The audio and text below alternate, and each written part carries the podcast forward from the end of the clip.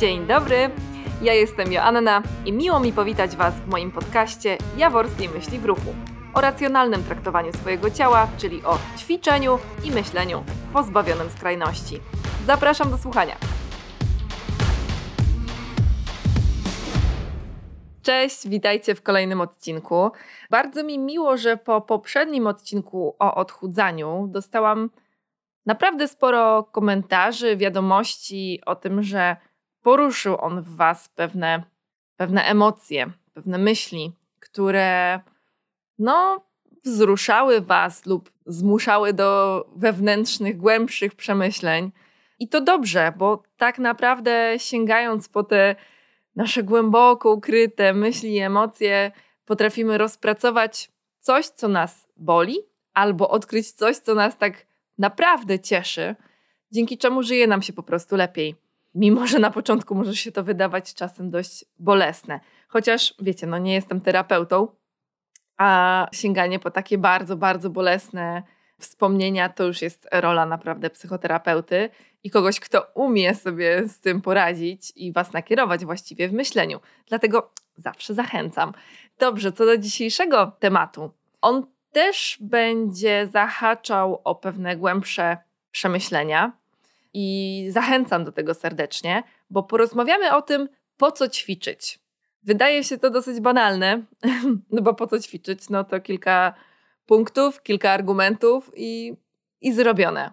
Tylko ja na początku dzisiejszego odcinka rozpracuję tutaj motywację moich podopiecznych, motywację, a w zasadzie ich y, takie spojrzenie na trening podczas pierwszych spotkań.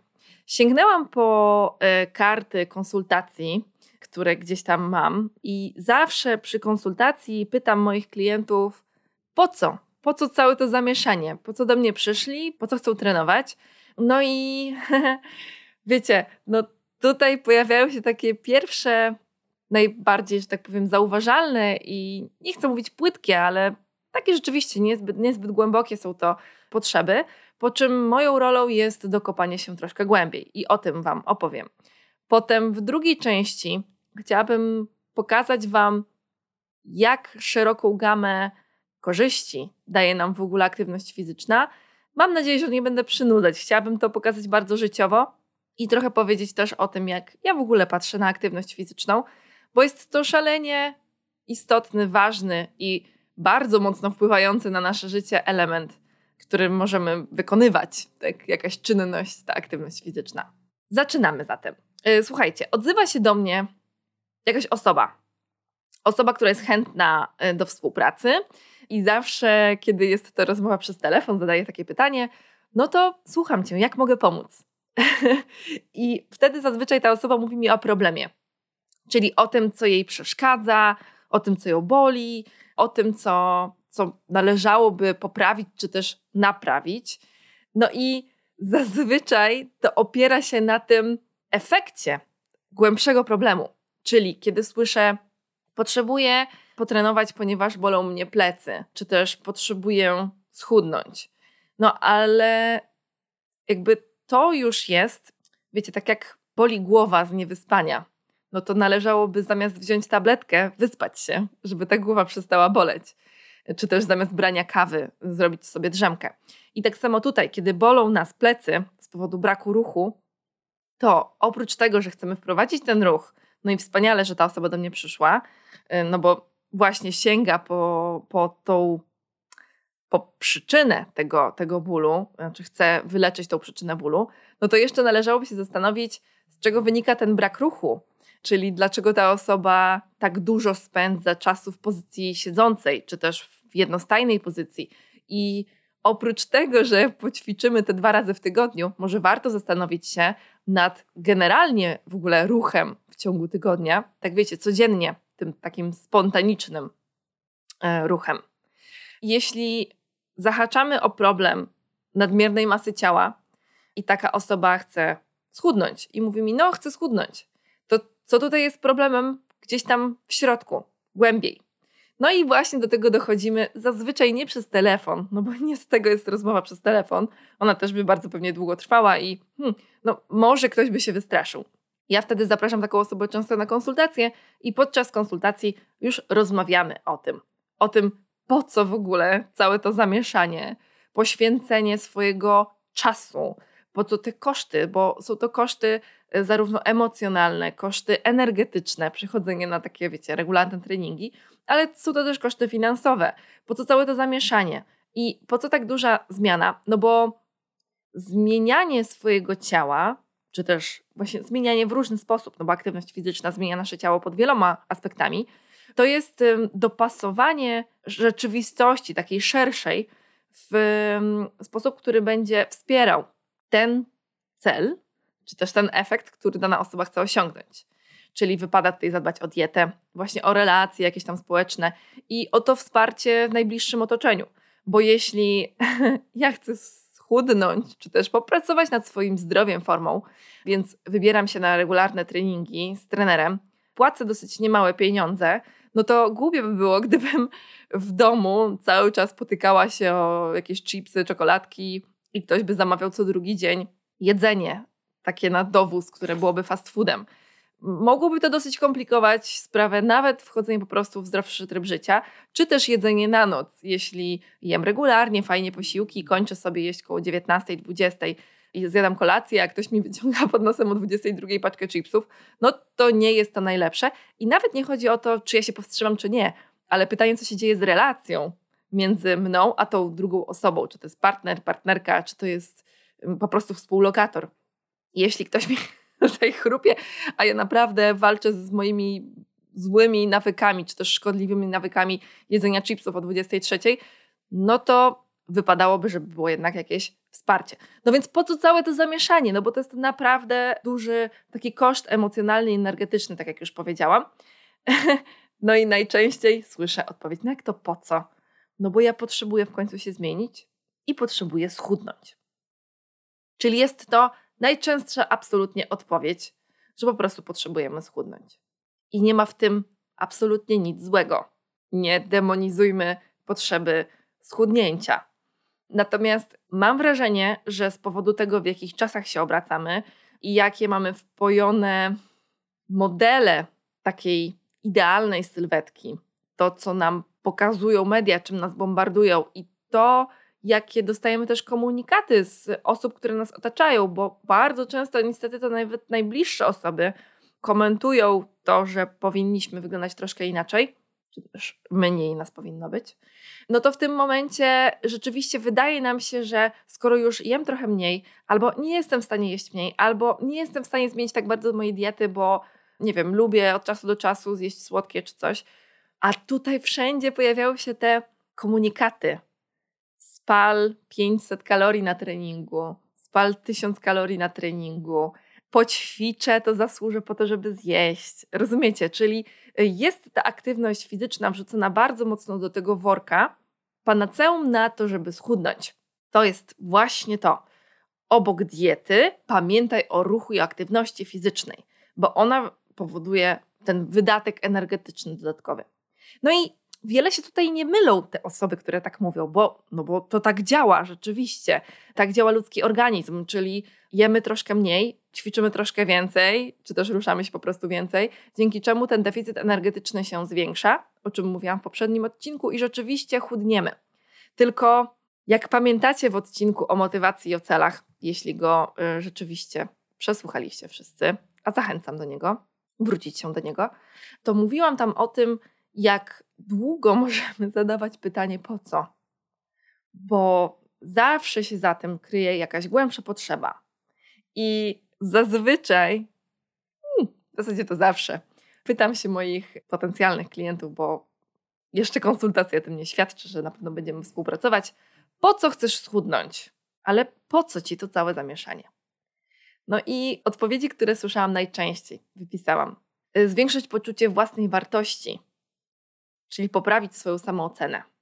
I tutaj już wyjściowo to jest błędne za założenie, bo jeśli traktujemy siebie jako człowieka bezwartościowego, mając nadmierne kilogramy, czymkolwiek one są, tak jak mówiłam ostatnio, bo naprawdę zarówno osoba o masie ciała 65 kg, jak i osoba o masie ciała 120 kg potrafi powiedzieć o sobie, że jest za gruba. To bardzo mocno siedzi w głowie i są pewne bardziej obiektywne i bardziej subiektywne e, tutaj mm, oceny wchodzą w grę. O tyle nawet osoba, która jest rzeczywiście schorowana i z powodu nadmiernej masy ciała mm, dobrze by było, żeby schudła, no to jeśli czuje się bezwartościowa poprzez to i ma bardzo niską samoocenę, to owszem, to schudnięcie pomoże, tylko że to nie gwarantuje, że taka osoba będzie się czuła jeszcze lepiej, bo nawiązuje tutaj do takiego karania siebie. Czyli jeśli ja karzę siebie za to, że jestem za gruba aktywnością fizyczną, to tutaj nie ma szansy na polubienie się wzajemnie, bo jeszcze nie znam nikogo, kto polubił się ze swoim katem, ze swoim oprawcą, rozumiecie? E, ta aktywność fizyczna może pomóc w tym, żebyśmy mieli wyższą samoocenę, ale nie będzie tą podstawą. I pamiętajmy, żeby spojrzeć na ten aspekt trochę szerzej, tej własnej, poczucia własnej wartości. Kolejna odpowiedź to było takie, żeby być z siebie dumnym. I ja tutaj nie ustawiam tych odpowiedzi w częstotliwości, czyli jak często to słyszałam, tylko no, ustawiłam jakieś, jakąś tam kolejność losową. Być z siebie dumnym, czy też dumną, czyli poczucie takie, że coś ze sobą robię, bo właśnie kolejnym aspektem, który wypisałam, jest dbanie o siebie. Czyli dana osoba czuje, że o siebie nie dba, czuje, że jest beznadziejna, że w ogóle nie troszczy się o siebie, w związku z czym chce schudnąć, chce ćwiczyć, chce ruszać się, bo wtedy będzie z siebie dumna i o siebie zadba. No i to jest bardzo, bardzo dobra, bardzo fajna podstawa, bo rzeczywiście dbanie o siebie i o swoją formę to jest ruch. Tylko pytanie, czy o tym, że dbamy o siebie, świadczy wyłącznie to, że schudliśmy. Czy jeśli nic nie schudliśmy nawet, trenuję regularnie do dwóch miesięcy, nic nie schudłam, ale rzeczywiście jestem aktywna, czy to świadczy, że o siebie nie zadbałam odpowiednio? Zastanówcie się nad tym. Relacja. Dbanie o relację, o związek, o relację z drugim człowiekiem, o relację z partnerem czy też mężem. I tu mocno do głowy przychodzi mi e, jedna, jedna z dziewczyn, z którą współpracowałam, która miała poczucie, że jej relacja, jej związek z jej chłopakiem jest naprawdę kiepska, no bo ona była szczupła, jak z nim zaczęła być, potem pewne rzeczy się wydarzyły w jej życiu, też depresja, przytyła, w związku z czym czuje, że nie ma takiego ognia między nimi, czuje, że ona się jemu nie podoba teraz i trochę on sugeruje jej, że mogłaby właśnie o siebie zadbać, może ten, tutaj, więc ona decyduje się pomóc sobie właśnie współpracą z trenerem, ze mną. Wiecie, co jest najlepsze? Że my, y, no, nie będę ukrywać, na treningach z dziewczynami dosyć sporo rozmawiamy. no, budujemy jakąś tam relację i też skoro jedna, jakaś moja podopieczna chce ze mną rozmawiać, no to nie będę jej mówiła cicho, cicho, teraz trenujemy. Staramy się oczywiście zachować balans między jednym i drugim, żeby to nie była, wiecie, pogaduszki. I bardzo dużo rozmawiałyśmy o tym, jak się czuję, jak, jaka jest i tak dalej.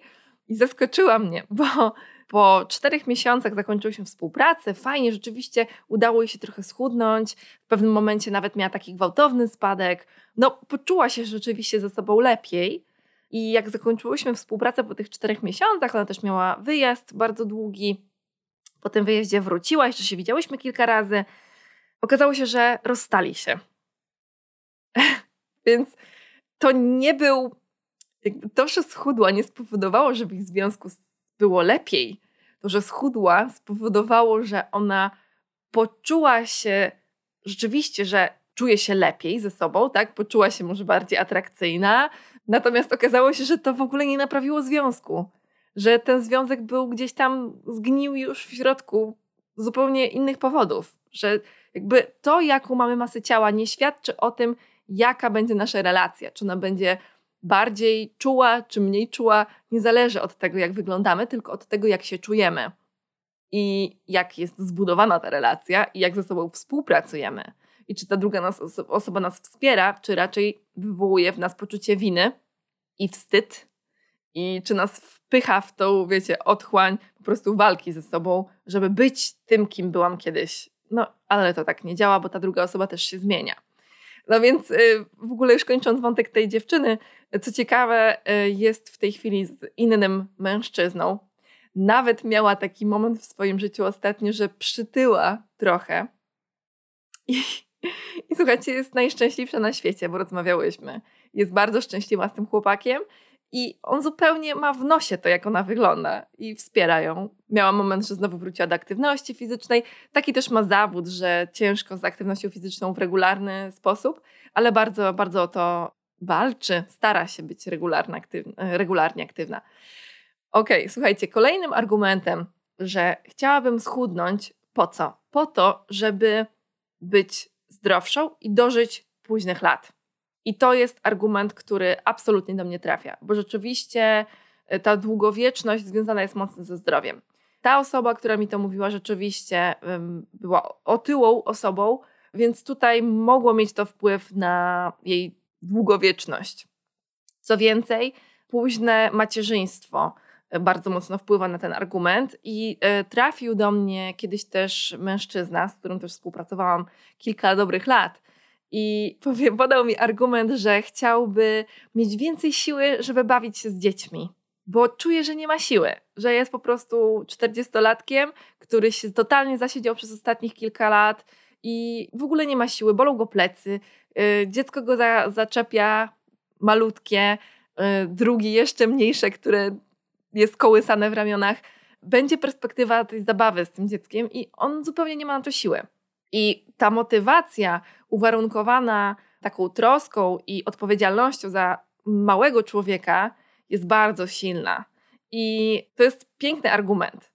I rzeczywiście to głęboka potrzeba schudnięcia, czy też właśnie tego, żeby mieć tą siłę.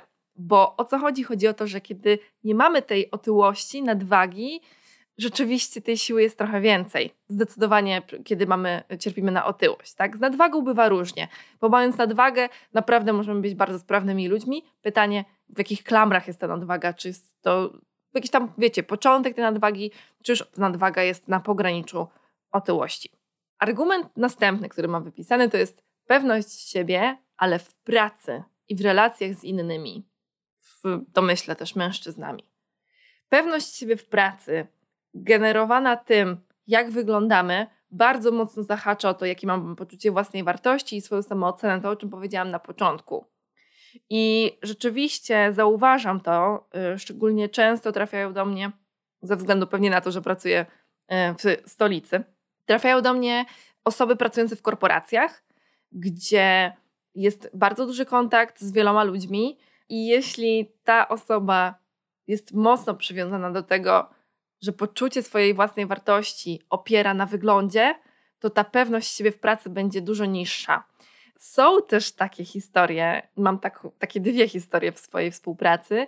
Rzeczywiście po, po pracy nad sobą, po schudnięciu, taka osoba odważała się na zmianę swojej pracy. I wcześniej nie miała do tego do końca odwagi. Ale uwaga, mam też jeszcze jedną historię dziewczyny, która na początku współpracy, po paru tygodniach, kiedy jej ciało się praktycznie nie zmieniło, ale poczuła się dużo sprawniejsza, dużo silniejsza, rzeczywiście nabrała takiej pewności siebie, że ona nie, nie chce się męczyć ze sobą, nie chce się męczyć ze swoim otoczeniem i też rzuciła w cholerę pracę, w której była, o Jezu, jakoś tak długo, wiecie, naprawdę parę dobrych lat, nie pamiętam, 6 lat, 7 lat, coś koło tego i postanowiła zmienić pracę, ale co więcej, powiedziała, że ona ma to w dupie i ona będzie teraz trzy miesiące nie pracowała, zrobi sobie w ogóle wolne, a potem poszuka roboty. I okazało się, że ta dziewczyna jest niesamowicie szczęśliwa, że przestała się po prostu męczyć. Po co jej to? Tym bardziej, że to była młoda dziewczyna i to była jedna z jej pierwszych prac, takich, wiecie, poważnych. W związku z czym zrzuciła olbrzymi głaz ze swoich pleców i po prostu zaczęła żyć, była aktywna fizycznie. No i wiecie, no od razu to samopoczucie rzeczywiście skoczyło do góry. Więc to schudnięcie może pomóc tej pewności siebie w pracy, ale też uważam, że nie jest to zdrowe opierać tą jakby możliwość zmiany pracy od tego, czy schudnę. No bo będą oceniali to, czy się bardziej nadaje, czy mniej, ze względu na to, jak wygląda. I to nie jest tak, że problem jest wyłącznie w myśleniu tych osób, które uważają siebie za grube, żeby zmienić pracę. Problem jest w naszej kulturze, e, kulturze fat shamingu, czyli takiego nietolerancji osób ze względu, czy też traktowania osób, tych, które mają, są grubsze, czy też grube, bo od razu z góry uważamy je za trochę mniej kompetentne, leniwe, jakby przypisuje się bardzo błędne cechy osobom, które mają większą masę ciała. Na przykład właśnie o to, że są leniwe, że nie dbają o siebie, że nie dbają o szczegóły, że no, są po prostu mniej wydajne w pracy, a to nie jest prawda. To nie jest prawda. Spójrzmy chociażby na panów prezesów, którzy zyskują wielkie brzuchy i tak dalej. I to nie znaczy, że są gorszymi prezesami w swojej firmie. I też potrafią być bardzo, bardzo efektywni i dobrzy w swojej pracy. Tu nawiązuję troszeczkę do tego patriarchatu, w którym żyjemy. Ale generalnie chodzi mi o to, że ta pewność siebie w pracy niech będzie generowana tym, jakie mamy umiejętności, jakie mamy wartości w sobie, jakie wnosimy do danej pracy i jak dużo potrafimy zrobić. Czyli umiejętności w sumie. Chodzi o to, że jesteśmy czymś więcej niż tylko tym, jak wyglądamy. Łatwiej podróżować, zwiedzać i grać w gry zespołowe po schudnięciu. I y, to jest bardzo y, taki praktyczny, głęboki cel tego, po co schudnąć. Bo rzeczywiście y, zwiedzanie, dużo chodzenia, wchodzenia, wspinania się i w ogóle gry różne i zabawy, rzeczywiście cała ta rozrywka, bo można tak to ująć w, jedno, w jeden worek rozrywki, jest ten moment, że rzeczywiście schudnięcie, poprawiając naszą kondycję, y, wspiera to, żebyśmy czuli się bardziej komfortowo w podróżowaniu. Argument, który jeszcze sobie wypisałam. Żal do siebie, że przytyłam, a byłam szczupła. I liczenie na to, że przestanę czuć do siebie żal, ponieważ yy, jak schudnę, no to będę czuła, że jestem skuteczna, że poradziłam sobie z tym problemem. Tylko, że ta osoba też przesuwała w związku z tym, że czuła tak duży żal do siebie o to, że ma nadmierną masę ciała, przesuwała swoje działanie na inne obszary, na pracę chociażby, przez co wpadła bardzo chory perfekcjonizm. No i nie jest to, nie jest to zbyt zdrowe, o tyle, że za tym wszystkim idą dalsze konsekwencje. Idą problemy z brakiem szacunku do siebie, do swojego czasu. No i razem z perfekcjonizmem no idzie nadmierne poczucie kontroli. A przy nadmiernym poczuciu kontroli łatwo jest wpaść w obsesję związaną z jedzeniem chociażby, jeśli tym bardziej wchodzimy w procesy odchudzania.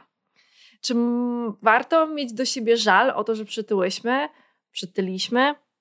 No nigdy nie warto jest mieć do siebie żalu. Czy jest to naturalne? Hm.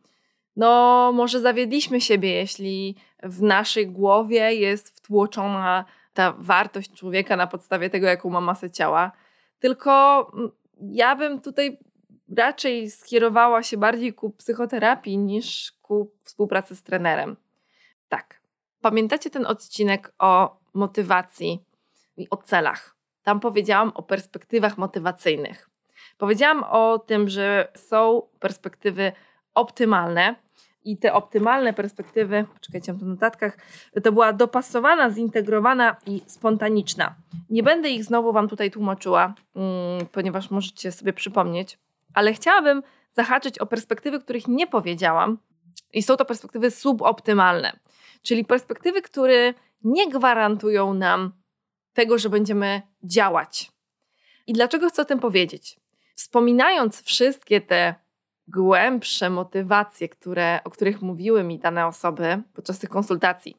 Chcąc schudnąć, chcę schudnąć, żeby, po co? Żeby poczuć się w końcu z siebie dumną albo żeby mieć pewność siebie w pracy. No i w tych sub, suboptymalnych perspektywach jest w jakiś sposób powiedziane o tym, dlaczego to nie przyniesie nam skutku. Obojętna perspektywa y, świadczy o tym, że w ogóle nic nie robimy. Tak? Czyli to jest takie podejmowanie się aktywności fizycznej, ale raczej nieregularnie, raczej niechętnie ją wykonuję albo w ogóle jej nie wykonuję, tylko jest to jakiś mój plan. No, czyli ta obojętna motywacja powoduje, że nic się nie zmienia. Po prostu nie wydatkuję za bardzo energii na ten cel. Czyli ta motywacja jest no dnem, tak? Kolejna suboptymalna perspektywa to jest perspektywa zewnętrzna. I moim zdaniem to jest właśnie to, co tutaj się pojawia najczęściej. I już Wam wyjaśniam, jak to działa. Chodzi o to, że zewnętrzna perspektywa motywacji obiecuje nam w jakiś sposób nagrodę. E, czy to będzie nagroda materialna, czy też niematerialna, ale my czujemy, że za jakiś czas, dzięki podjęciu się, się tych starań, coś dostaniemy w zamian. Materialna nagroda, no to bardzo łatwo jest sobie na przykład, nie wiem, obiecać, że coś sobie kupię, albo ktoś mi coś kupi. Zakładam się z kimś i ktoś w, obie, w obietnicy, na, znaczy motywuje nas tą obietnicą, że kupi nam coś tam za to, że schudniemy, tak? No właśnie, tylko co się dzieje dalej? Jak już schudniemy, dostaniemy tą, tą nagrodę. Jeśli chodzi o niematerialną, to tutaj może, chodzi, może chodzić właśnie o jakąś uwagę, o poparcie, o akceptację, o to uznanie, czyli w przypadku właśnie chociażby tej pracy, czy relacji, związku. No tutaj to nie jest dobra droga w związku z tym. Pochwała i podziw. Często spotykam się z taką, taką opinią, że chcę schudnąć, bo potrzebuję tej akceptacji ze środowiska, potrzebuję tego, żeby dostać komplementy po prostu. Bo tak jakbyśmy nie mogli siebie komentować nawet bez tego. I jest tutaj taki schemat myślowy, że angażuję się w to, bo w przyszłości, kiedyś tam, będzie to dobrze wyglądało w moim życiorysie i zdobędę szacunek i podziw. Przez co właśnie cała moja uwaga skupiona jest na tej nagrodzie samej w sobie, a nie na tym celu, nie na tym, po co to robię. I to są takie ulotne chwile chwały. To jest coś, co przeminie, przez co koncentrując się na tym, że ktoś nam powie kilka razy pochwałę, nawet jak schudniemy, słuchajcie, 40 kilo, bardzo duża zmiana ciała, dostaniemy masę komplementów, no jakby one ustaną, no bo w pewnym momencie już nam powiedzą najbliższe osoby, że wow, brawo, gdzieś ktoś tam w internecie skomentuje super i no i co dalej? W sensie, no to mam dalej chudnąć? No teraz muszę utrzymać. Utrzymując, przestaję dostawać te komplementy, no bo już się niewiele zmienia tak naprawdę, albo dostaję dużo, dużo rzadziej. No to co teraz? Co teraz, co teraz, co teraz? No i szukam w związku z tym jakiegoś zastępstwa. No i tutaj różnie bywa, ale lepiej jest w ogóle nie opierać się na tym, na tej zewnętrznej aprobacie, rozumiecie? E, jest jeszcze trzecia perspektywa suboptymalna, motywacyjna, której chciałabym Wam powiedzieć. I jest to y, perspektywa narzucona. I wtedy uważamy, że my to w ogóle musimy zrobić. Że chcemy uniknąć tego poczucia winy, chcemy uniknąć e, lęku związanego z tym, jak wyglądamy w tej chwili. Mm, chcemy uniknąć poczucia wstydu.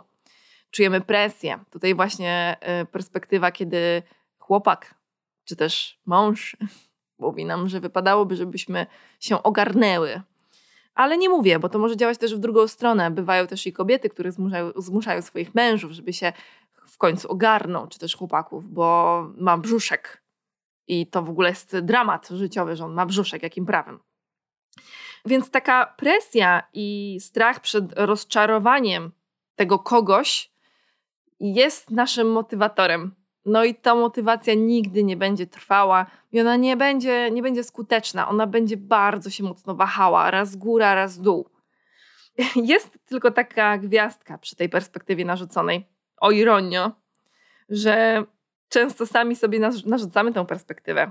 Że bywa tak, że rzeczywiście może ktoś nam coś powie, coś skomentuje, ale w ogóle nie w złej wierze, nie dlatego, że nas nie akceptuje, tylko, no, no nie wiem, głupio coś powie a my sami narzucamy sobie perspektywę, że my musimy schudnąć, żeby zadowolić tą osobę. A gdybyśmy weszli w rozmowę, może i w ogóle na tym nie zależy, ona może w ogóle tego nie chce i od nas nie wymaga. Na koniec tego odcinka chciałabym Wam tylko powiedzieć, jak ja patrzę na cele aktywności fizycznej i ruchu i trenowania. Jest jeden cel, który pojawiał się też niemal w każdej konsultacji.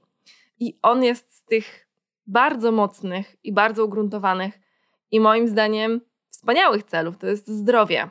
Dużo z moich klientek jest rzeczywiście insulinoopornych, panowie też zresztą.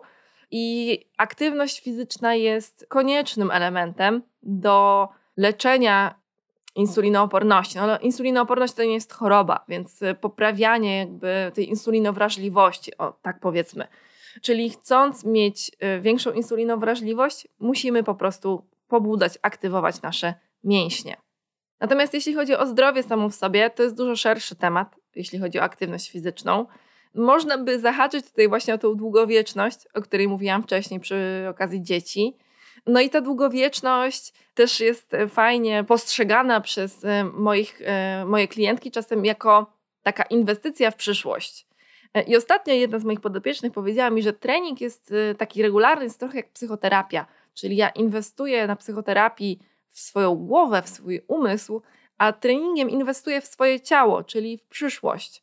I to jest w jakiś sposób perspektywa, która kieruje nas na to właśnie, na to, co będzie później, ale tu chodzi o ciągłość, o to, że moja jakość życia po prostu się poprawi, będę zdrowsza, będę żyła dłużej i będę mogła dłużej cieszyć się z przyjemności, z tego, co lubię w życiu i z tego, co sprawia mi radość.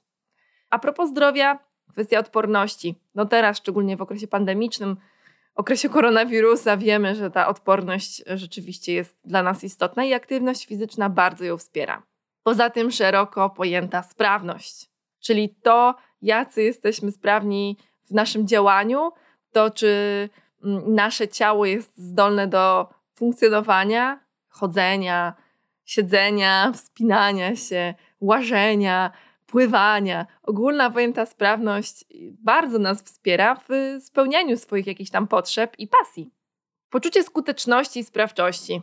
I to jest bardzo ciekawa cecha naszego organizmu. To, czy mamy w sobie to poczucie skuteczności właśnie tej sprawczości, rzeczywiście jest bardzo wspierane przez aktywność fizyczną regularną. I tutaj ja chciałabym nawiązać do badań, które czytałam przygotowując się do opisania mojej pracy magisterskiej na temat aktywności fizycznej kobiet w ciąży.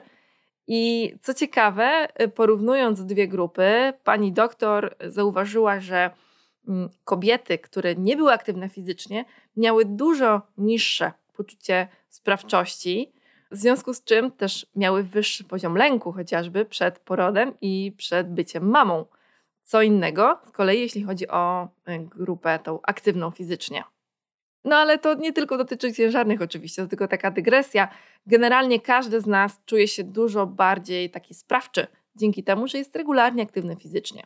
Kolejna rzecz to jest nauka. Po prostu nowe umiejętności. Mamy w sobie potrzebę, o której już też kiedyś mówiłam, potrzebę naturalną kompetencji. Czyli my chcemy się uczyć. To jest taka nasza naturalna, życiowa potrzeba. Każdy z nas chce być w czymś lepszy. No i w przypadku właśnie tych nowych umiejętności ruchowych, ta potrzeba kompetencji jest bardzo fajnie spełniana, czujemy się po prostu dobrze z tym. I jeszcze jedną rzecz, o której chciałabym powiedzieć, takiej bardzo dużej zalecie aktywności fizycznej, no to jest komfort życia. Mamy lepszy sen, wszystko to, o czym powiedziałam wcześniej, sprawność, ale też aktywność fizyczna powoduje wyrzut hormonów szczęścia, dzięki czemu mamy po prostu lepsze samopoczucie. Tutaj mój przykład. Ja w miarę już się nauczyłam po tych wielu latach czytać moją potrzebę ruchu, potrzebę aktywności fizycznej. I mam dni, kiedy czuję się totalnie źle, w sensie, że nie mam siły. Odpuszczam tą aktywność fizyczną, bo, bo nie chcę, po prostu nie mam na nią siły. Robię coś lekkiego ewentualnie, ale jeśli też umiem odczytać, że mm, gdzieś mi się nie chce, ale to jest trochę lenistwo bardziej, to zmuszam się delikatny sposób do tej aktywności fizycznej. Zrobię sobie a, taki średni trening, po prostu niezbyt ciężki. Często w trakcie jednak się rozkręcam i robię po prostu super trening, ale chodzi o to, że ja się dzięki niemu czuję po prostu lepiej. Mam lepsze samopoczucie, jest mi dobrze. I o to w tym wszystkim chodzi. To, żeby nie zmuszać siebie ponad wszystko, ale żeby umieć rozróżnić taką lenistwo, nie chce mi się, od tego, że nasze ciało mówi nam, hej, nie, nie, potrzebuję przerwy, jestem przemęczony, daj mi spokój, raczej porozciągajmy się albo pobandytujmy. Czy warto generalnie chudnąć? Bo możecie mieć trochę mm, takie przeświadczenie o tym po przesłuchaniu tego podcastu. Któryś raz już powiedziałam na podcast trening. Czy warto chudnąć? Tak, słuchajcie, oczywiście, że tak. Ja nie jestem przeciwniczką chudnięcia, nie zrozumcie mnie źle. Natomiast ja bym bardzo chciała przestrzec przed tym, że trening nie jest jakimś właśnie panaceum na nasze zmartwienia i poczucie braku pewności siebie. Trening niesie ze sobą dużo szersze, szersze korzyści. I warto chudnąć dzięki właśnie treningowi, aktywności fizycznej, ale wspomagać nim cały ten proces. Czy musimy chudnąć?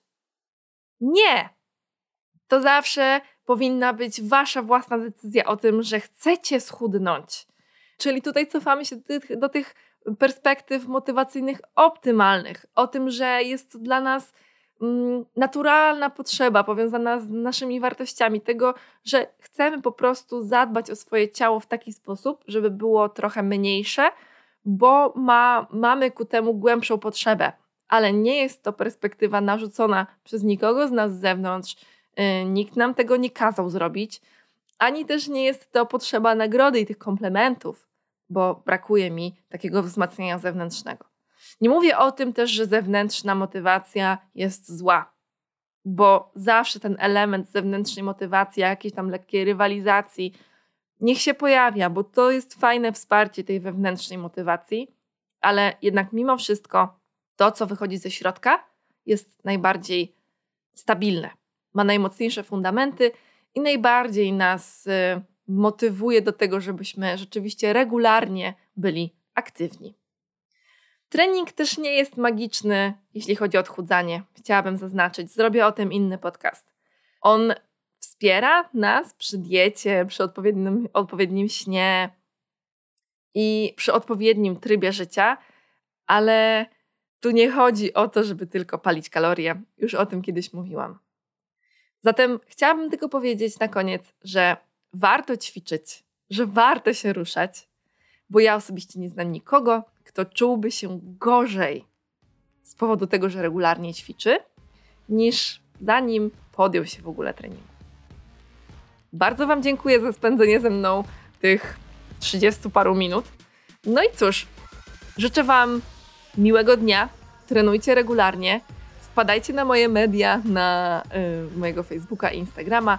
Jeśli chcecie, to piszcie do mnie maile na podcastmałpamyślwruchu.pl i w ogóle zapraszam Was na Myśl w Ruchu, czyli właśnie wszystkie moje profile. Trzymajcie się ciepło, dajcie znać, co uważacie o tym podcaście. Pa!